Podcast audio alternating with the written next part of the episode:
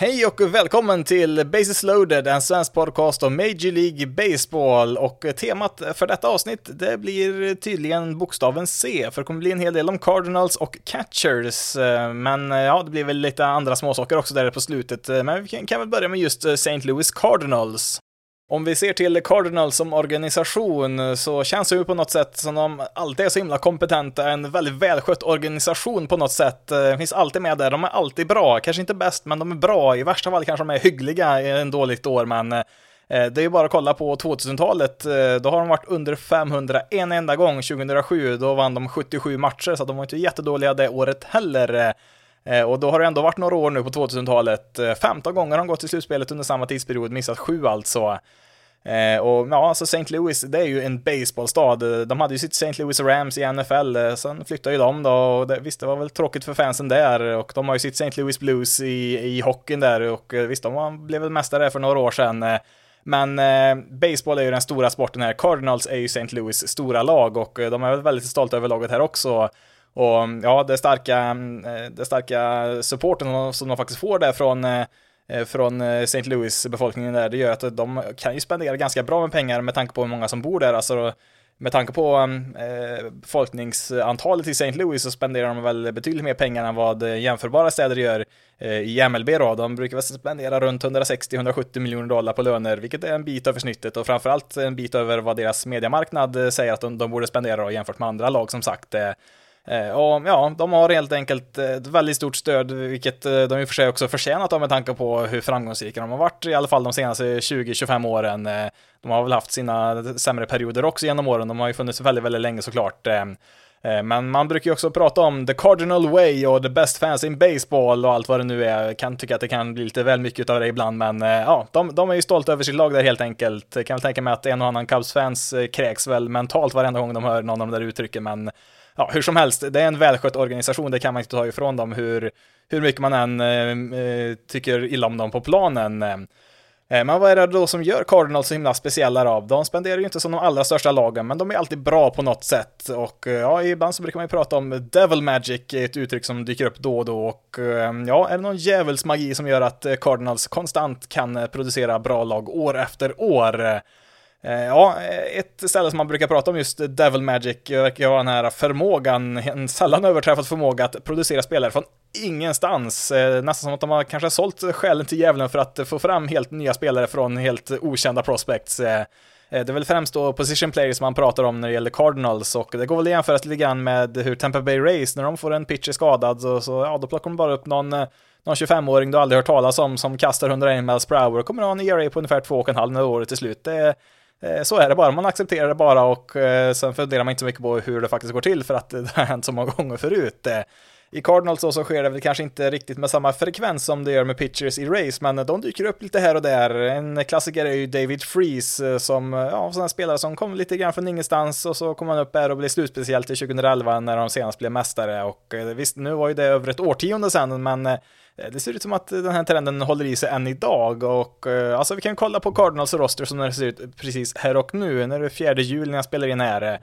Om vi kollar på deras position players då, som det främst kommer att handla om här då, så Eh, de har 13 stycken på sin roster just nu. Fyra av dem kommer från andra lag från början. Eh, eh, två av dem är Arenado och Goldschmidt. De etablerar sig ju på annat håll såklart, men de andra två, Juan Yepes, som vi kan prata, prata om lite mer senare, han kom ju via trade många år innan han gjorde sin MLB-debut tidigare i år. Han kom 2017 i en trade mot Matt Adams faktiskt vet inte om han spelar fortfarande, ska vi se. Jag vet han var med där med Nationals 2019 när de blev mästare där, men eh, ska vi se. han spelar tydligen både 2020 och 21 med Braves och Rockies. Eh, fyller 34, så han kanske inte är pensionerad än, jag vet inte, men eh, ja, i alla fall, eh, Jeppes där då, han är ju tekniskt sett eh, eh, en Braves-produkt, alltså det var de som först tog honom till, eh, till en MLB-organisation, men eh, på många sätt så är han ju en Cardinals-produkt. Han har ju fostrats i deras system och debuterat i MLB via dem. Eh, lite samma sak är det med Connor Capell, den här andra spelaren då som tekniskt sett är en eh, Cleveland-produkt. Det var de som draftade honom från början, men tradeade honom 2018, så han har ju varit bra många år i St. Louis här innan han fick göra sin MLB-debut också, han i år.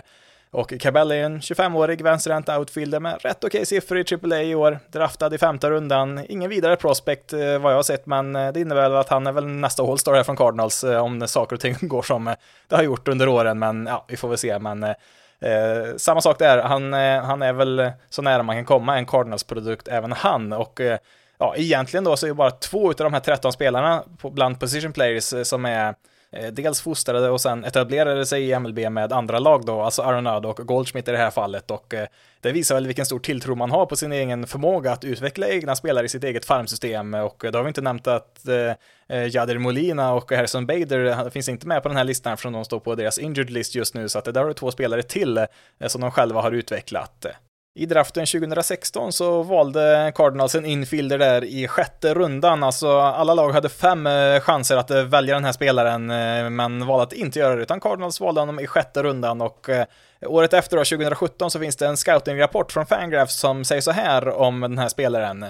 A sixth rounder in 2016 is a passable defensive shortstop as far as range and actions are concerned and has just enough arm and strength to moonlight there. Though his skills are more naturally suited for second base, um, he has some contact skills and doubles power, but probably not the bat uh, to play every day. He, pro he projects as a low-end utility man. Ja, en del av det där passar fortfarande ganska bra in på den här spelaren som är Tommy Edman som jag pratar om här. Han eh, fick ju debutera sen 2019 för Cardinals, så fick ju spela lite överallt där och eh, det som kanske inte stämmer riktigt så bra just nu i alla fall, det är ju den här sista raden där. He projects as a low-end utility man, alltså man eh, trodde väl att eh, ja, han kan väl kanske bli en eh, budgetvariant utav en utility-spelare som kan hoppa över runt lite här och där, men eh, han sprang rätt in i MLB där och var hur bra som helst där första året. Visst, nu var det väl strax under 100 matcher bara där, men på de matcherna så fick han upp fyra wins above replacement, vilket är riktigt, riktigt bra på så kort tid. Eh, och då rankades han innan han fick debutera som Cardinals 20 bästa prospect, alltså inte 20 bästa prospect i hela MLB, utan man ansåg att Cardinals hade 19 eh, mer lovande spelare framför honom där i deras farmsystem, så att det var inte så att han var eh, liksom nästa stora grej där som man väntar på, utan återigen spelare som kom från ingenstans och gick rätt in i deras lineup och var hur bra som helst. Eh, sen ska vi komma ihåg att eh, 2020 och 2021 var ju inte lika bra där, men eh, kollar vi i år igen här då så har han faktiskt stundtals varit nummer ett i WAR i, i MLB. 3,6 ligger det på i år, kan vi jämföra med 2,7 på hela förra säsongen. Nu är han ju bara på tionde plats, eller ja, bara och bara. Det är en ganska bra lista att vara topp 10 på, men ja, i vilket fall som helst. han är liksom en här typisk Cardinals-spelare som kommer från ingenstans, kan göra lite allt möjligt på planen och gör det riktigt bra. Eh, visst, han är kanske inte något offensivt monster på något sätt. Hans VRC plus är på 113, alltså han har slagit 13% bättre än snittet i MLB. Det, det är väl bra, men det är inte något märkvärdigt på något sätt och eh, kollar vi på just den här topp 10-listan på WAR i, i år då så har han ju överlägset sämst offensiva siffror. Eh, de flesta på den listan ligger någonstans 50-100% eh, bättre än snittet offensivt då, men eh, Eh, då kompenserar han ju med att det var en betydligt bättre försvarare istället då. Han har ju spelat mycket andra bas när säsongen började, sen skickar man ju ner Paul de Young eh, eh, shortstoppen där, så fick han ta över den positionen istället och eh, hanterar man en viktig, eller ja, en eh, defensivt krävande position som shortstop, då får man ju lite extra värde där i wins above replacement när de räknar ut det, så att där har han fått en liten extra boost också. Eh, sen är han ju riktigt snabb också, 19 stolen bases har han, bara Julio Rodriguez har fler i år, han har 20 där, så att eh, även om du inte kommer att hitta Edman eh, högst upp i toppen där tillsammans med Aaron Judge i antal homeruns, så är han ju en väldigt värdefull spelare med allt han kan bidra på planen eh, för dem. Och eh, Visst, nu ska väl komma ihåg att han är väl relativt tidigt i karriären och ska väl inte säga att han garanterad en All-star-plats de närmaste tio åren och sånt där, men det ser onekligen bra ut för Edman och Cardinals Eh, är väl ett praktexempel på sådana här spelare som kommer upp utan någon större uppmärksamhet, eh, sprinklar på lite djävulsmagi och så oj, kolla här, vad hände där? En, ytterligare en Cardinals-spelare som överpresterar mot förväntningarna. Paul de Young som jag nämnde här, eh, han, han skickades ner, ja, han har ju spelat dåligt, ja, ja offensivt han spelar dåligt, han är väl en duktig försvarare, har han väl alltid varit, men Eh, Eh, man bestämde sig för att eh, nej, nu räcker det, nu måste vi skicka ner dem till AAA och få ordning på honom här. Eh, och ehm, ja, samtidigt som man skickar ner honom så behöver man ju en ersättare här och ja, vid samma tidpunkt där så börjar ju Brandon Donovan få lite speltid och jag kanske undrar vem är Brandon Donovan? Och ja, det visste inte jag heller innan säsongen började. Leta upp lite scoutingrapporter, eller jag försökte leta upp scoutingrapporter här i helgen och det fanns nästan ingenting innan 2021, alltså en spelare som verkligen gått under radarn. Eh, det, det jag hittade var bland annat eh, från Fangraphs fantasy-redaktion där de skrev några rader där i höstas om att eh, om Donovan skulle ta sig in på Cardinals MLB-roster så ja, man har ett litet öga på honom, han är lite småintressant så att ja visst, en liten guldstjärna där till Fangraphs fantasy-redaktion får vi ge. Eh, men ja, det lilla som jag faktiskt hittade om honom, eh, ja, draftade i sjunde rundan, kan spela typ alla positioner, 25-åring som fick lite trög start i, i sin Money League-karriär och sen kom ju pandemin där och tog bort ett helt år för honom där, så att eh, det såg väl inte jätteljust ut, men sen så gick det ganska bra under förra året där i deras Money League-system och ja, gick så pass bra att ja, men vi kan nog kalla upp honom här när vi behöver någon istället för DeYoung här och ja, som du, som du hör, han är ju helt perfekt för Cardinals, det är ju nästa profil som National League Center kommer få behöva stå ut med det närmaste årtiondet. Ja, vi får väl se, men Eh, han skiljer sig en del åt från Edmund, alltså eh, Donovan är väl eh, till skillnad från Edmund då ganska långsam och är väl inte jätteduktig defensivt, i alla fall på de siffrorna vi har än så länge. Nu har han spelat ganska lite i MLB. Man behöver ganska många matcher egentligen för att kunna få helt korrekta defensiva siffror, men han kommer väl inte vara någon defensiv ersättare i första hand kanske direkt så i MLB, men Eh, det han gör riktigt bra är att han tar väldigt mycket walks, väldigt bra disciplin med strikezonen, sträcker väldigt sällan ut och vevar ju sällan på bollar utanför strikezonen och duttar väl ut sina singles, inte så mycket styrka då, det kan man jämföra med Edman, varken, varken Donovan eller Edman kommer väl ha speciellt många homeruns, men eh, det som jag tycker är lite extra kul med, eh, med Donovan, är att han har spelat i år på första, andra, tredje bas, shortstop, left field och right field, han har spelat allt utom catcher och centerfield, då kanske man tänker, ja men han har väl säkert spelat kanske någon position lite mer, men nej, det har han inte. Han har spelat ut det ganska bra. Alltså han har spelat 14 matcher på andra bas, 14 matcher på tredje bas, 14 matcher i right field, 11 på första bas, eh, 9 på, i left field, 7 på shortstop och eh, sen var designated hitter i tre matcher också. Eh, och ja, statistiken, alltså han har ett average strax under 300, on base eh, strax över 400, sen är hans on base och slugging typ eh, typ likadana där, så att han har inte så mycket styrka där, men han har en VRC plus på 140. Alltså han är 40% bättre än eh, genomsnittet offensivt i MLB på de här 59 matcherna som han faktiskt har spelat. Eh, och visst, 59 matcher är ganska lite, men eh, vi ser ju ändå sådana här riktiga top prospects, till exempel Tiger Spencer Torkelsen var ju rankad som en av de absolut bästa. Han har ju inte slagit alls i år, Eh, trots att han spelar sedan opening day, men här kommer då Brandon Donovan, en eh, okänd Cardinals infielder slash outfielder slash super utility spelare som ingen hört talas om och ja, går in och dominerar direkt. Eh, det är ja, det är väl ytterligare lite djävulsmagi som spelar in här kanske på Brandon Donovan. Kollar vi lite mer på deras outfield i Cardinals eh, så har vi Dylan Carlson och Tyler O'Neill, eh, två spelare som jag trodde på väldigt mycket inför den här säsongen. Det har ju varit eh, två besvikelser tyvärr i år då. De var ju riktigt vassa framförallt i slutet på förra säsongen där, men ja, som sagt, de har inte spelat bra i år och har väl varit skadade också och ehm, ja, då finns det ju ett behov av spelare där också och sen får vi tänka på att Albert Pujols, ja men det är väl kul att ha honom här, lite nostalgi där för Cardinals-fansen att få se honom här sista säsong. Men eh, ja, hans försvarsspel på första bas är inte direkt lysande där när Goldschmidt kanske behöver vila lite grann. Eh. Sen så har vi ju en eh, DH nu i National League permanent, så att har vi någon sån här spelare i vårt farmsystem här i Cardinals som ja, en sån här DH-typ som kan spela lite första bas och en corner outfield vid behov. Jajamän, det är klart vi har det. Juan Jepes, som jag nämnde här förut. Lite samma sak med Jepes här som det var med Donovan, att det fanns inte speciellt mycket scouting-rapporter innan förra hösten här. Och där stod det väl inte jättemycket heller, mer att han har bra råstyrka efter att ha byggt på sig en 10 kilo extra muskler i princip. Eh, eh åkte ju till eh, Arizona Fall League här i höstas, alltså en höstliga eller en prospectliga som man kunna säga, där man skickar ganska, mm, ja, eh, ganska bra prospects, i alla fall bland slagmän. Pitchers kanske man behöver låta vila lite grann, men eh, framförallt är väl många riktigt duktiga lovande slagmän som åker dit, alltså AA och AAA-spelare i princip. Och eftersom att det, det, finns betydligt färre än 30 lag i den här eh, eh, ligan så blir det en eh, väldigt mycket högre koncentration av eh, eh, duktiga lovande spelare. Alltså i en vanlig mining League-match så kanske halva lagen består av en liksom utfyllnadsspelare som mest är där för att eh, kunna få till matcher så att deras riktigt lovande prospects får liksom ja, eh, matchträning helt enkelt. Men här så är det i regel eh, bara riktigt eh, lovande spelare, eller ja, hyfsat lovande spelare i alla fall. Så att det, då får man ju se de här bästa spelarna mot varandra här, vilket kan vara intressant inför framtiden. Och som sagt, Jepes var en av förra årets Arizona Fall Leagues bästa spelare där, så att där fick man väl upp ögonen lite grann för honom där. Eh, och ja, man hade ju lite problem då med sina corner outfielder som sagt där i Cardinals, så att ja, fick väl, eh, fick väl plocka upp honom där och eh, ja, han gjorde väl, eh, han väl gjort det som de flesta trodde, slå för styrka, slugging över 500, har slagit 10 homeruns eh, så här långt i år, nu har han inte spelat hela säsongen då, men eh, ja, de, de homeruns han slagit motsvarar väl ungefär 30 på en säsong då om man skulle spela varje match. Eh, Eh, 133 har han i VRC plus då så här långt, så att ytterligare en spelare som kommer upp här och producerar direkt här för Cardinals från, eh, från att vara relativt anonym. Eh, ja, visst, en liten asterisk får vi sätta där på, på Jepes. Jag såg att han faktiskt var med strax utanför en topp 100-lista bland prospects, så att helt okänd var han väl kanske inte inför den här säsongen, men det baserades väl mest på att han presterade så bra där i Arizona Fall League här i höstas.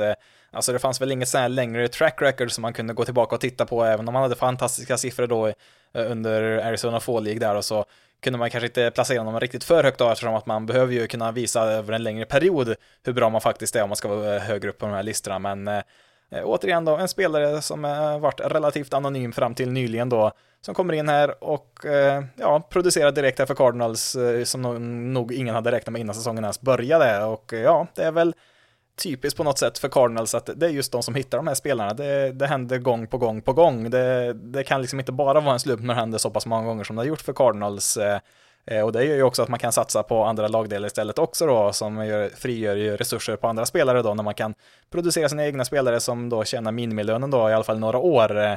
Eh, och ja, satsa har man gjort på Goldsmith och Arenal där som har varit två riktigt bra förstärkningar här de senaste åren. Men på tal där om just minimilönen där, alltså Eh, de första tre åren i MLB så tjänar en spelare då minimilönen som är runt 700 000 dollar eh, från och med i år. Om vi då kollar på just Edman, Donovan och JPS här då så tjänar alla de då ungefär 700 000 dollar av vardera eh, i minimilön här då. Och kan vi jämföra då med att Max Scherzer i Mets, han tjänar 800 000 dollar var tredje match som Mets spelar. Alltså Scherzer kommer att tjäna mer på tre matcher i år än vad Tommy Edman till exempel kommer att tjäna på hela året. Eh, där, ja, där har man ju ett ganska bra perspektiv på varför det är så viktigt att ha eh, flera unga duktiga spelare på rookie-kontrakt så man kan allokera pengarna till andra positioner istället som man kanske behöver förstärka.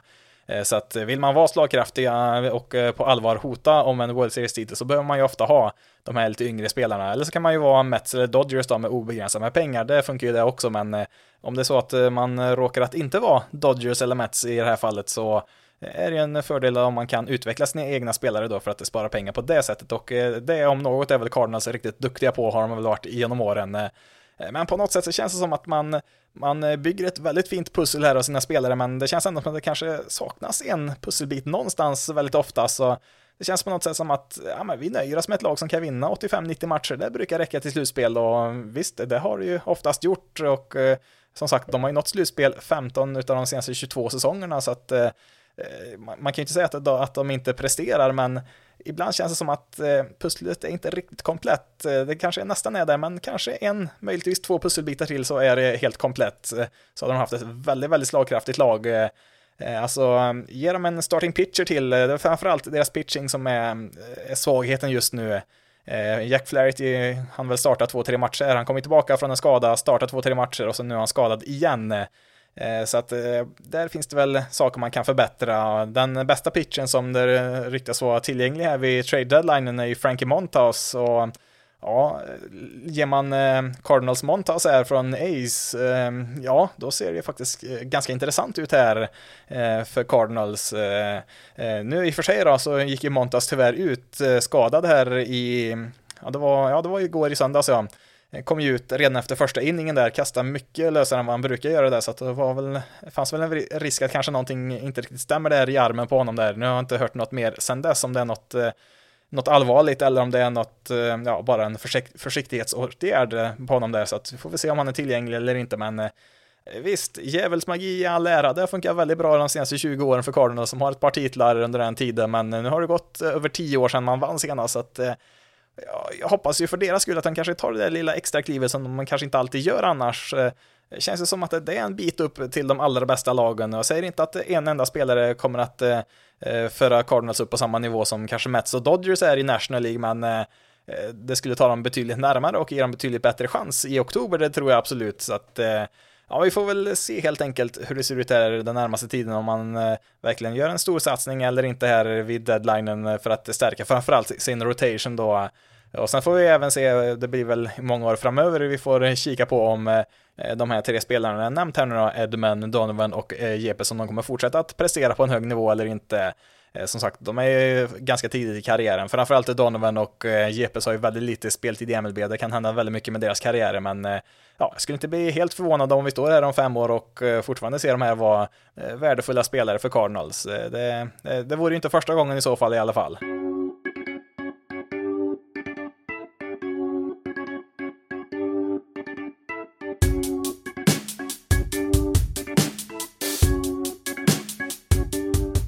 Då tänkte jag prata om lite catchers, först och främst då om Astros catchers eh, som, eh, ja, hittade en lite intressant grej här med dem. Eh, vi kan väl börja med att kolla på Astros som lag. Hur producerar de offensivt? Ja, det är kanske ingen överraskning när jag säger att de är väldigt duktiga offensivt även i år. De har varit i många år, men för att få lite siffror på det så är de femte bäst i att dra walks, fjärde bäst när det gäller att undvika strikeouts, trea i homeruns, on base, ja, där är de faktiskt bara tolva, det är lite sämre då, men femma i slugging, och kanske viktigast av allt, VRC+, där är de nummer ett. Alltså VRC+, eh, räknar upp alla offensiva aspekter där och eh, får ut eh, en siffra där som tar, tar hänsyn till allt man gör offensivt helt enkelt och eh, där är man etta tillsammans med Yankees. Eh. Men om vi då sorterar efter position och kollar specifikt då på catchers, hur, eh, hur bra produktion har alla lag fått från sina catchers? Och eh, ja, då kollar vi på listan här och ser att Houston Astros catchers har i, i snitt då ett eh, batting average på 139, sämst i hela MLB. On base 213, också sist.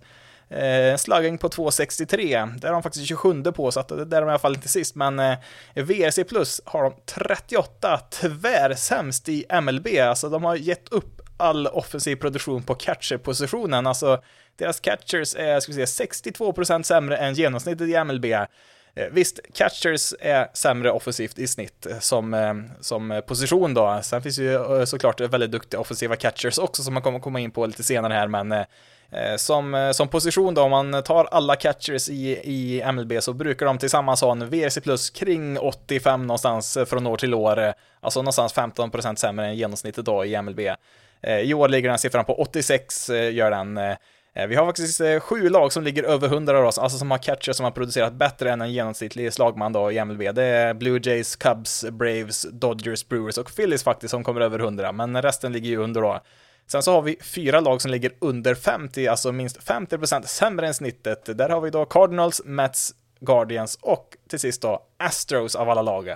Eh, lite intressant att notera här att uh, utav de här fyra sämsta lagen, uh, alltså då har vi Mets och Astros som leder sina divisioner och så har vi Guardians och Cardinals som i allra högsta grad slåss om en slutspelsplats. Så att uh, det är inte så att det, det varit ett förhinder för dem att vara slagkraftiga i år på något sätt, men Ja, tillbaka till just Astros då och det är ju främst då två um, stycken catchers som vi kollar på här då. Det är Martin Maldonado och Jason Castro. Jag räknar inte med Corey Lee, han har två plate appearances. Det är Eh, visst, nu har han inte gjort något med dem, men eh, det är inte han som eh, har producerat de här siffrorna i huvudsak. Eh, eh, Maldonado då, ja, han har ju spenderat hela eller delar av alla säsonger 2018 i Astros eh, och är väl i första, första hand en defensiv catcher.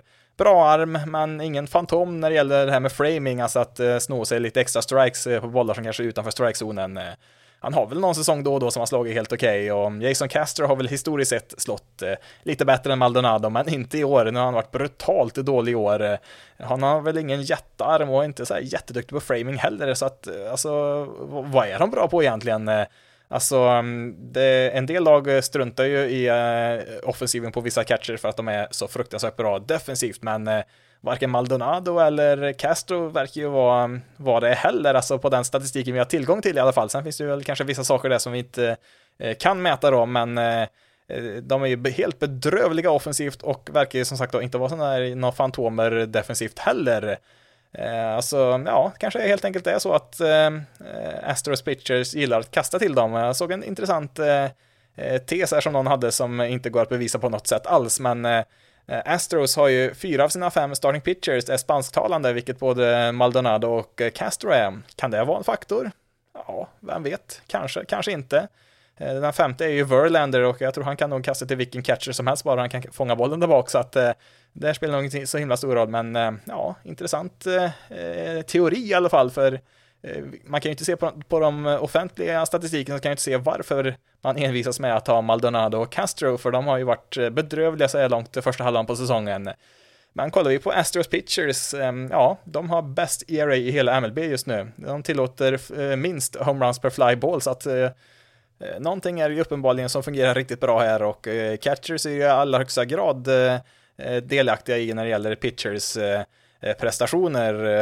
Ja, alltså Eh, alltså, Astros har bäst offensiv i ligan utan att få någon offensiv produktion alls från sina catchers och samtidigt så har de bäst ERA i hela MLB utan att ha någon speciellt eh, duktig defensiv catcher heller. Så att, eh, ja, jag vet inte vad, men någonting är det som fungerar i alla fall. Så det är kanske är bäst att bara fortsätta som det är och hoppas att det håller hela året ut.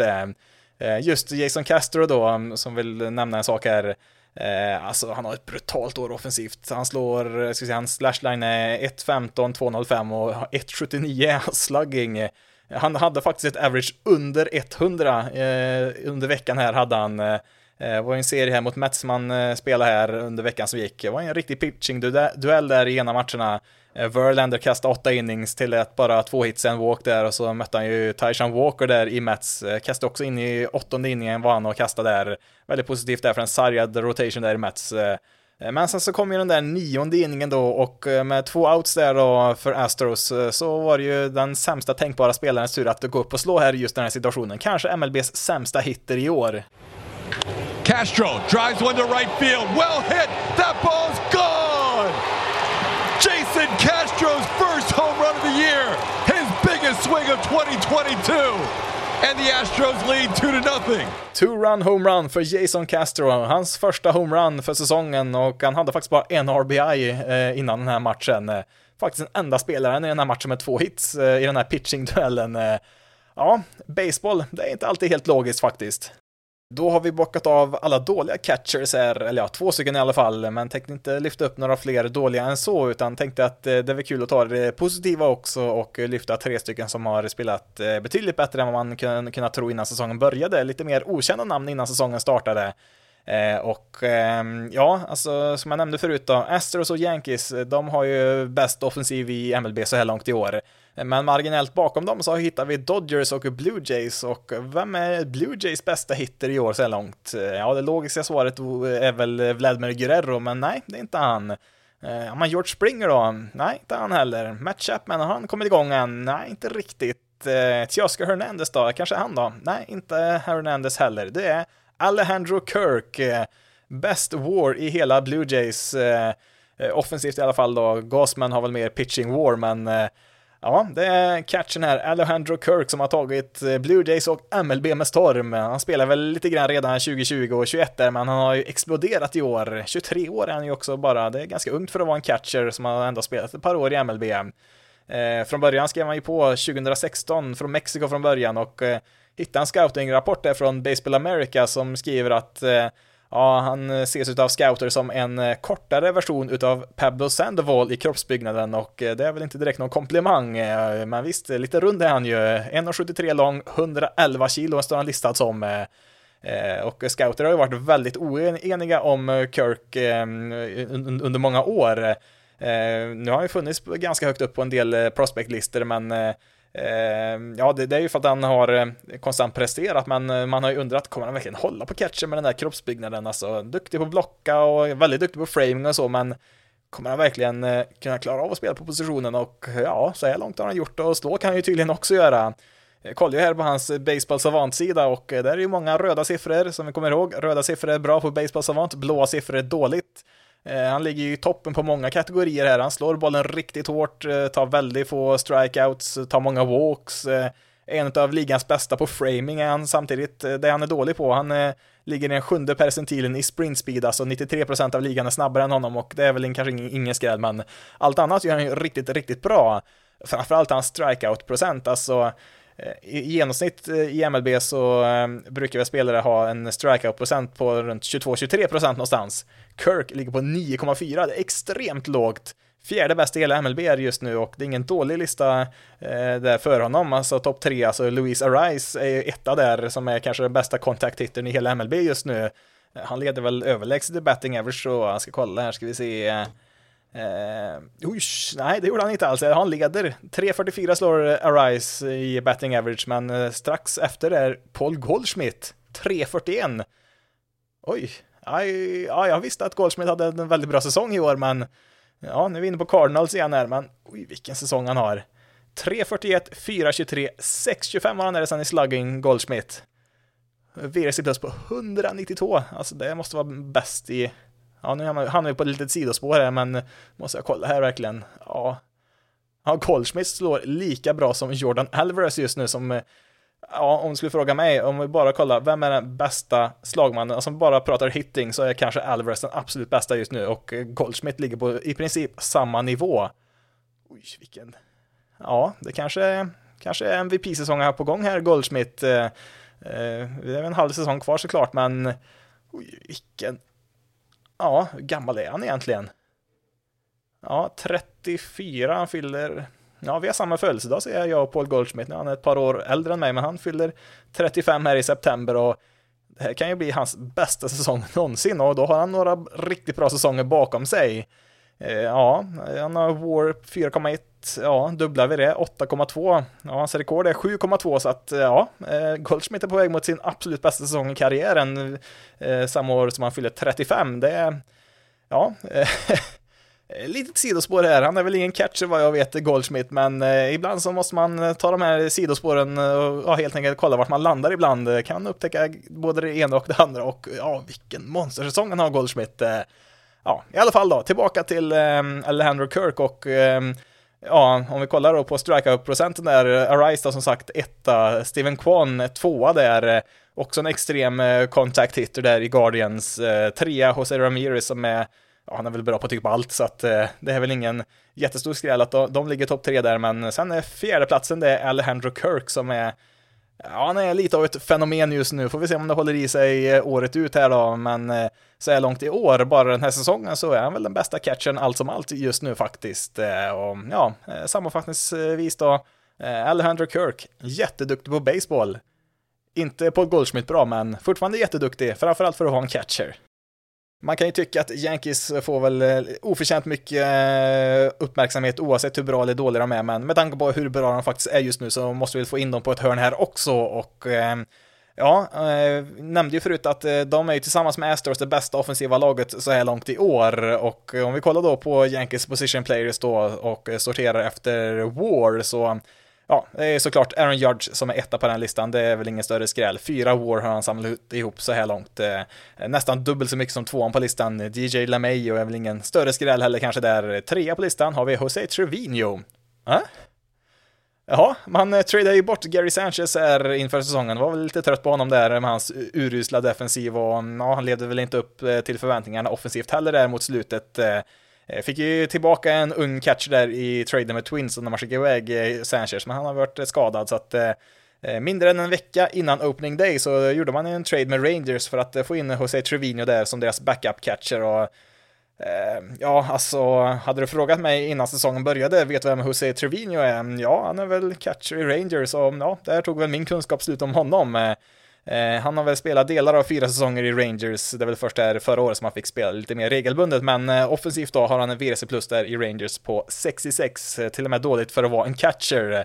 Eh, men det som hände förra året var ju framförallt att plötsligt blev han riktigt bra på framing. Hans siffror sköt i taket där faktiskt förra året, var en av de bättre på det, så att eh, Eh, då tänkte man väl att, eh, ja, eh, vi får väl plocka in honom där så har vi defensiven säkrad i alla fall där på catcherpositionen. Man hade ju redan Kyle Higashioka där som också är väldigt duktig defensivt, men kan inte slå på fem öre. Så att man gjorde väl en, ja, en variant av Astros catching situation och helt enkelt sket fullständigt i vilken offensiv produktion man fick från catching-positionen för de har så många andra duktiga offensiva spelare istället. Så Yankees satsar helt enkelt eh, på en defensiv catching-duo där eh, som har exakt noll historia av att eh, slå något nämnvärt offensivt. Men det har ju Trevino faktiskt gjort. Han har en VRC plus på 113 i år. Alltså han har varit över snittet i MLB, inte bara för catchers utan för alla slagmän. Sju homeruns har han på den lilla speltiden han faktiskt har. Det är liksom en uppemot en, ja, nästan 30 homeruns över en hel säsong på den speltiden han har. Uh, ja, alltså, ja, framing är han också jätteduktig på i år, sen så har han tappat defensivt och uh, inte bara duktig, Trevino är överlägsen etta enligt Baseball Savant på framing. Uh, nu klarar sig väl Rangers ganska bra ändå då, för deras uh, kvarvarande catcher då, Jonah Heim är ju trea på den här listan, men uh, ja, ehm, det är väl, det känns väl på något sätt som att Eh, allting fungerar för Yankees i år. Alltså det har ju varit eh, tidigare år här så har det varit mycket skador och lite, ja, lite otur har det varit emellanåt också, men just i år så verkar det som allting fungerar och de totalt dominerar ju nästan allt motstånd eh, de stöter på just nu. Ja, det är väl Astros, det är väl typ enda laget som har lyckats stört dem ordentligt i år.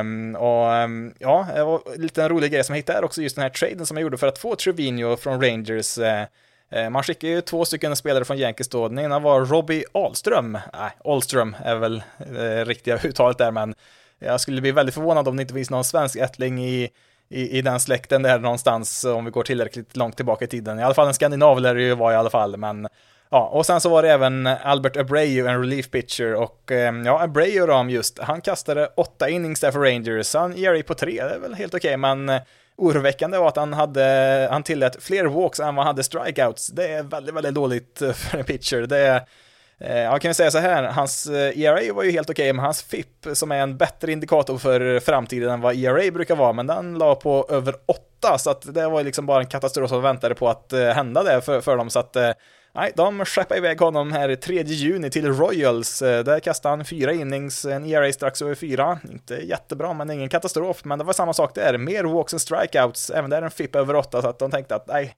nej, eh, innan det här exploderar så är det väl lika bra att vi eh, DFAar honom. De ville väl släppa honom eller skicka ner honom till deras eh, Eh, AAA-lag, men eh, då måste man ju placera en spelare som är DFA-ad, alltså blivit designated for assignment, då måste man placera den på waivers och då får ju alla lag rätten att eh, ehm, ja, helt enkelt ta den spelaren helt gratis och ehm, det gjorde man 21 juni där och vem är det som plockar spelaren där? Jo, det är Yankees. Så att han är tillbaka med dem igen, så att de tradade till sig en av första halvans bästa catchers så här långt i MLB Samtidigt som man ett par månader senare helt gratis får tillbaka en av spelarna som man använde för att eh, trada till sig Trevino från första början. Eh, ja, jo, eh, som sagt, saker och ting går ganska bra i Yankeeland just nu. Och hur har det gått för Abreu så här långt i år då med Yankees? Ja, det är bara fyra innings där också då, men han har inte tillåtit en enda run där än så länge. Får vi se om man kan hålla nere walk-siffrorna där jämfört med strikeouts, så får vi väl se då, men ja, med tanke på hur rätt allting går för eh, Yankees så här långt i år så lär väl Abreu vara en eh, klockren reliever där i deras bullpen. Då har vi en catcher kvar jag vill lyfta här lite snabbt eh, innan vi går vidare och jo, jag vet, Wilson Contreras kanske, ja efter Kirk så kanske Contreras är den bästa catchen i år. Eh, spelar riktigt bra, men jag vill eh, fokusera på lite eh, mer okända namn här och ja, jag vet att ni Cubs-fans som lyssnar precis fått stå ut med att få höra hur bra Cardinals alltid är på allting och ja, det kanske är sista chansen nu att prata om Contreras som en Cubs-spelare. Han är ju free agent efter den här säsongen och det är lite mindre än en månad kvar till eh, trade deadlinen och med tanke på att Cubs inte kommer någonstans i år så mm, ja, det enda rätta är väl egentligen att trada Contreras och ja, vem vet om han kommer tillbaka eller inte sen i vinter. Så mm, ja, det kanske är de sista veckorna man kan njuta av eh, Contreras som Cubs-fans då, i alla fall som en Cubs-spelare, men ja, vi kan väl göra så här, vi kan väl göra en eh, liten kompromiss för alla deprimerade Cubs-fans här som eventuellt lyssnar och eh, vi kan väl prata om eh, William Contreras, alltså Wilsons lillebror. Eh, William Contreras är ju då backup-catcher eh, till eh, Travis Darno i Braves och eh, Ja, alltså William då, lillebror, har ju slagit riktigt imponerande i, i ja, på alla nivåer i, i Braves minor League-system och ser väl att det finns väl spår av sanning i, i en scouting-rapport som jag såg från 2018 att han är främst en offensiv catcher som behöver utveckla försvarsspelet och Ja, han har blivit, eh, han ska väl enligt rapporter ha blivit eh, rejält mycket bättre defensivt, även om det finns mycket kvar att lära där. Men eh, offensivt så är han ju eh, riktigt vass eh, på, ja, nu är det på 39 matcher pratar vi om här, eh, återigen, lit, litet, eller vad säger man, small sample size. Eh, VRC plus på 141, 9 homeruns är ju riktigt imponerande däremot. det är väl en, ja, 30 35-40 homeruns på en säsong där man spelar varje match. Eh, det gör man i och för sig inte när man är en catcher då, ja, om man inte är typ Salvador Perez då, men eh, det är inte alla som är honom direkt. Eh. Men ja, det är ett framtidsnamn som är värt att ha koll på här inför framtiden. Darno har ju kontrakt över nästa år i alla fall, jag tror han har option även för 2024 och det kanske passar ganska bra här att eh, skola in Contreras här eh, medan Darno kanske har eh, huvudansvaret där för Braves de närmaste, ja i alla fall i år och nästa år och eventuellt ett år till efter det. Och ehm, ja, som sagt, han behöver ju jobba på defensiven där, men han slår ju så pass bra så att han borde få plats på en MLB-roster oavsett om han är lite Eh, ja, slapphänt med handsken där bak, eh, men eh, får vi komma ihåg att om ett par år så kanske vi har en automatisk strikezon som dömer ut balls och strikes, så att då behöver man ju inte ha någon som är duktig på framing överhuvudtaget där bak. Sen behöver man ju såklart blocka och kunna kasta ut base runners och så, men det är ju eventuellt en aspekt som gör att det blir lättare för Contreras att spela på just catcherpositionen och Ja, vi pratar mycket om eh, Cardinals eh, förmåga att eh, få fram massa spelare i tid och otid. Tycker väl Braves har väl gjort det ganska bra de senaste 4-5 åren de också. Contreras som sagt då, har kommit upp här och gjort det riktigt bra i år. Och ja, även Michael Harris, den andra, har ju spelat riktigt bra, men då är vi inne på centerfielder, så nu är det catcher som gäller. Kanske ska göra något liknande med just unga, nya, lovande centerfielders också. Jag har sett ett gäng sådana i år. Riley Green, Julio Rodriguez, Alec Thomas, Ja, inte Morell där i Cubs spelat en del centerfield också. Ja, ja, det finns en del intressanta namn där också, men eh, ja, det var väl en liten genomgång i alla fall på eh, några intressanta catchers, eh, både bra och dåliga sådana, så att ja, vi får väl se om det kanske blir något liknande med lovande centerfielders här som har dykt upp här nu på sistone. Som sagt, Michael Harris där i, i Braves har ju imponerat riktigt mycket här nu inledningsvis, men ja, Eh, nog om detta och vidare till nästa punkt här som jag bara får klämma in här någonstans här när vi närmar oss slutet. Jag vill bara uppdatera här hur det gick för Mark Appel som jag pratade om i förra avsnittet, att han hade kallats upp på Phillies roster. Han var ju då eh, den här spelaren som gick som nummer ett i draften 2013, Astros valde honom. Sen gick det ju inget vidare alls där eh, när han skulle utvecklas i deras minor League-system, tradades till Phillies och där gick det ännu sämre och eh, till slut så pensionerade han sig 2018 och spelade inte på tre år. Sen kom han tillbaka förra året där och gjorde en eh, sista satsning här och eh, nu då, ett par veckor innan han fyllde 31 här så har han äntligen då kallats upp till Phillies roster. Det gjorde han redan förra helgen då för över en vecka sedan här, men första matchen han kom in i var under förra veckan här och det var mot Braves och då lät det bland annat så här. One, two. And a call, strike three, first big league strikeout at 97 miles an hour. That's just pure emotion right there. Uh, you know what, that's, that's, that's people that have been in his life that have taken every step of this journey with him. Ja. En strikeout blev det där som du hörde i den inningen han fick kasta mot Braves. Tillät en hit men eh, blev inga runs där och eh, nolla även eh, Braves där dagen efter i den inningen han fick kasta i den matchen. Nu har han inte kommit in i någon, någon högrisksituation så direkt, än så länge varit ganska obetydliga innings han kastat, men man måste ju börja någonstans och han har ju trots allt en ERA på noll i sin MLB-karriär.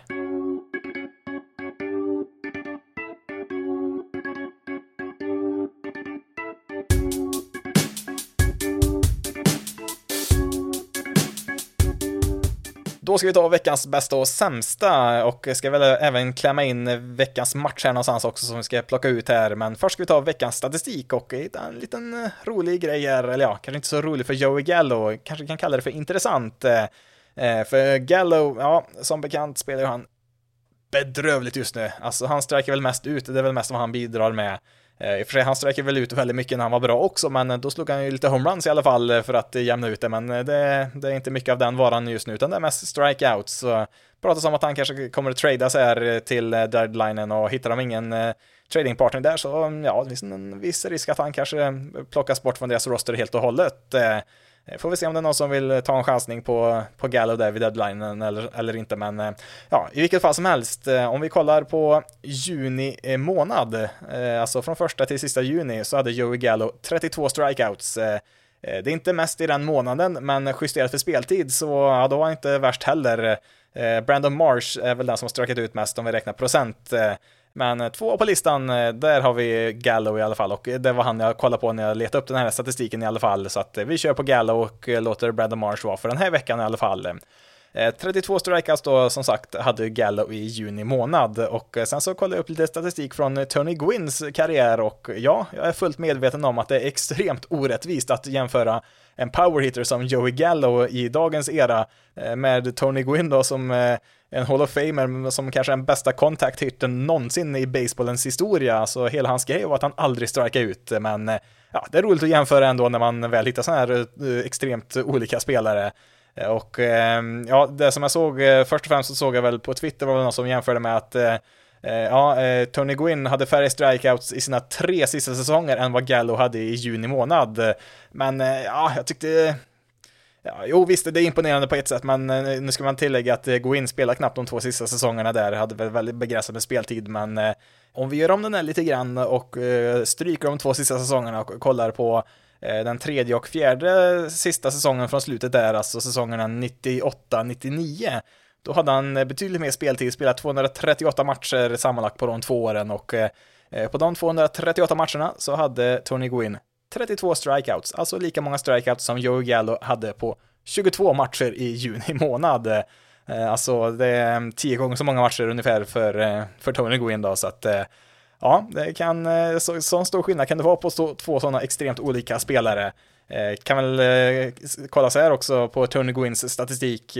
Han spelar 20 år i MLB och bara fyra av de säsongerna så hade han mer än 32 strikeouts på en hel säsong var helt fantastiskt på att få kontakt med bollen, liksom i princip aldrig strika ut, eller ja, uppenbarligen gjorde han det några gånger då, men eh, extremt sällan. Och eh, sen kan man ju i och för sig då, för att eh, göra det lite mer rättvist mot eh, Joey Gallo, så eh, ja, Tony Gwynn hade 135 homeruns på sina 20 år i MLB, Joey Gallo hade på sina fem första hela säsonger 150, så att eh, eh, både Gwynn och eh, Gallo hade ju sin egen specialitet kan man ju säga, men ja, en liten kul grej som jag hittade där som sagt eh, med de här två spelarna.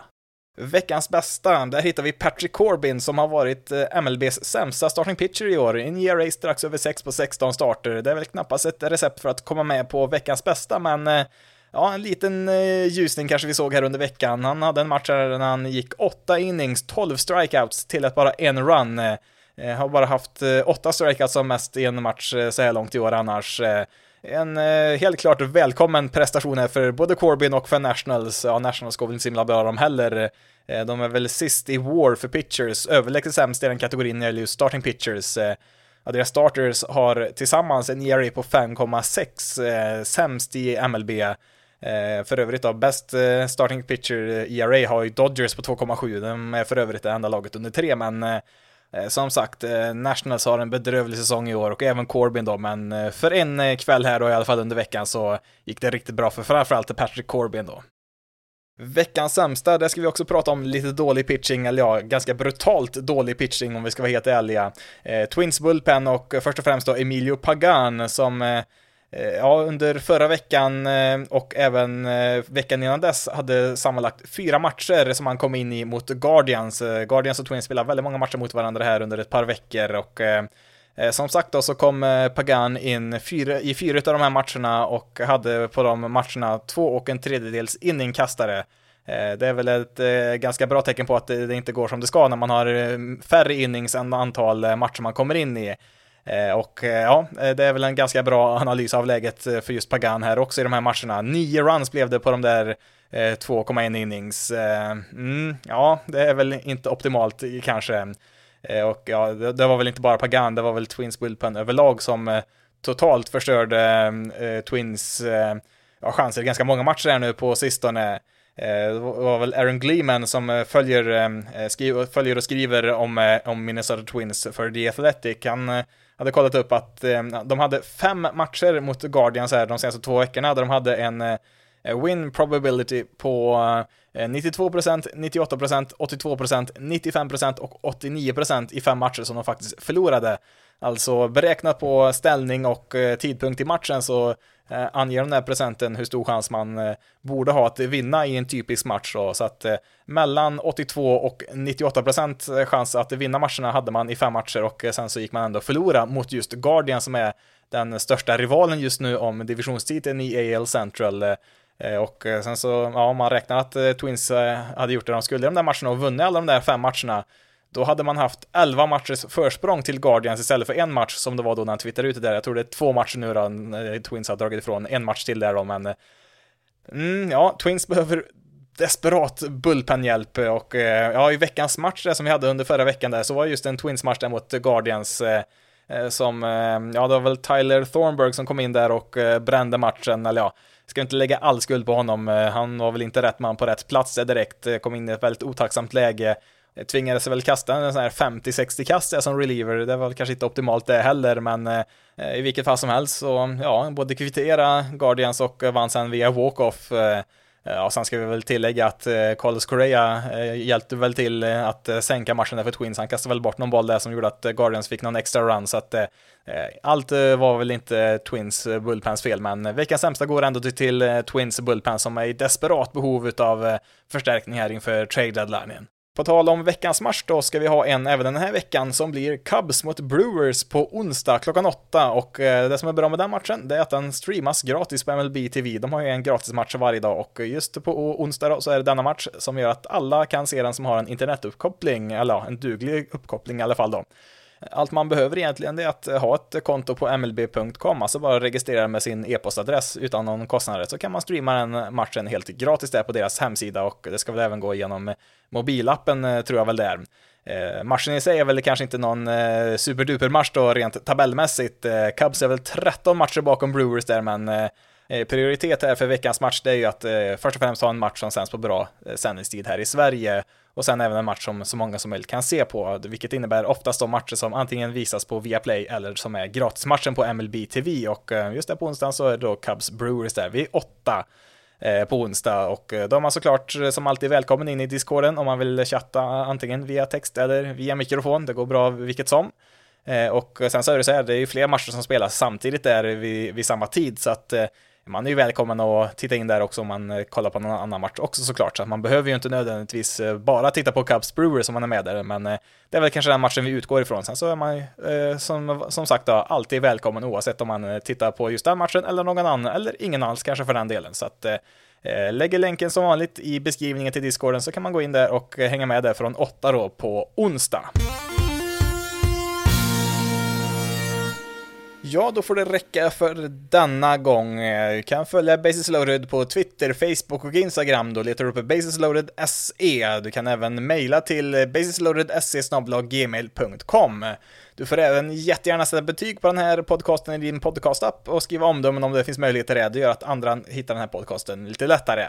Men nu har jag pratat tillräckligt för idag. Mitt namn är Jonathan Fabri. Tack så jättemycket för att du har valt att lyssna på detta avsnitt av Basis loaded. Ni får ha det så bra där ute, hörs vi i nästa veckas avsnitt.